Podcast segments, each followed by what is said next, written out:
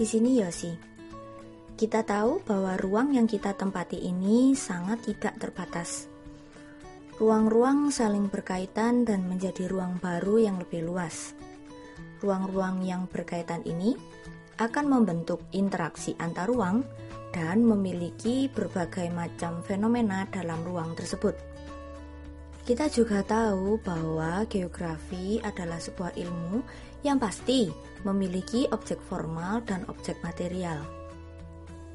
Objek formal adalah cara untuk mempelajari fenomena yang terjadi dalam ruang atau wilayah. Sedangkan objek material adalah fenomena yang dipelajari. Objek material geografi yang berbasis fenomena dalam ruang menjadi sangat luas karena ruang sendiri sangat luas. Dalam perkembangannya, para geograf mulai membuat spesifikasi dan spesialisasi ilmu sehingga pembahasan dalam penelitian geografi dapat lebih spesifik.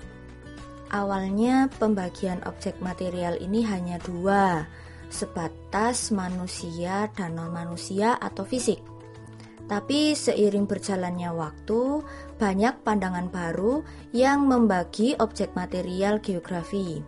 Ada yang menjadikan objek material geografi menjadi tiga lingkup, yaitu lingkup tata ruang yang membahas tentang penyebaran, penggunaan, dan lokasi. Lalu ada lingkup manusia yang membahas jumlah, penyebaran, kelahiran, kematian, dan perpindahan. Dan lingkup lingkungan ekologis seperti fisik, biotis, sosial, dan budaya, serta hubungan timbal baliknya. Nah, ada juga yang membagi objek material geografi menjadi lima lingkup, yaitu lingkup kulit bumi atau litosfer, lapisan air atau hidrosfer, lapisan udara atau atmosfer, lingkup manusia atau antroposfer, serta lingkup hewan dan tumbuhan atau biosfer. Tapi secara keseluruhan, objek material geografi adalah fenomena dalam ruang. Jadi, menurutmu, pembagian mana yang lebih cocok dengan geografi masa kini?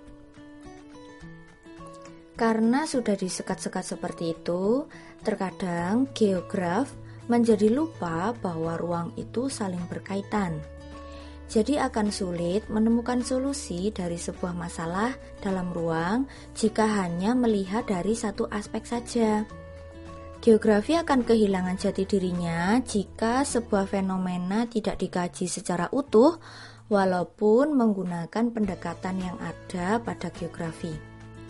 Nah, sebagai contoh, jika kita mempelajari fenomena banjir, kita tidak bisa hanya mempelajari curah hujan saja, karena penyebab banjir bisa jadi sangat banyak. Maka kita perlu memasukkan objek material lain selain curah hujan ke dalam penelitian kita. Semisal dari segi manusia atau human effect. Ada juga dari segi geomorfologi wilayah atau dari segi ketahanan tanah resapan dan lain-lain. Akhirnya, geografi memiliki banyak ilmu bantu yang dipakai untuk menjabarkan fenomena dalam objek material geografi. Dan geograf mempelajari kaitan yang terjadi dalam fenomena-fenomena tersebut. Nah, jika sebuah fenomena dapat dikaji bersama dalam sebuah penelitian, di sinilah geografi memiliki sistem yang utuh. Sistematika utuh yang ditawarkan dalam penelitian geografi menjadi sangat bermanfaat untuk menyelesaikan sebuah masalah dalam ruang karena kita dapat menjadi manajer atau yang mengatur bagaimana seharusnya menyelesaikan masalah itu jika kita melihat dari berbagai aspek. Sudahkah kamu membaca dan berliterasi tentang fenomena-fenomena dalam objek material yang terjadi di sekitar kita? Renungkan bagaimana keutuhan sistem yang dibahas dalam bahan literasimu. Apakah sudah banyak mengandung objek material geografi? Apakah sudah memiliki kaitan antar objek material yang dibahas dalam bahan literasimu?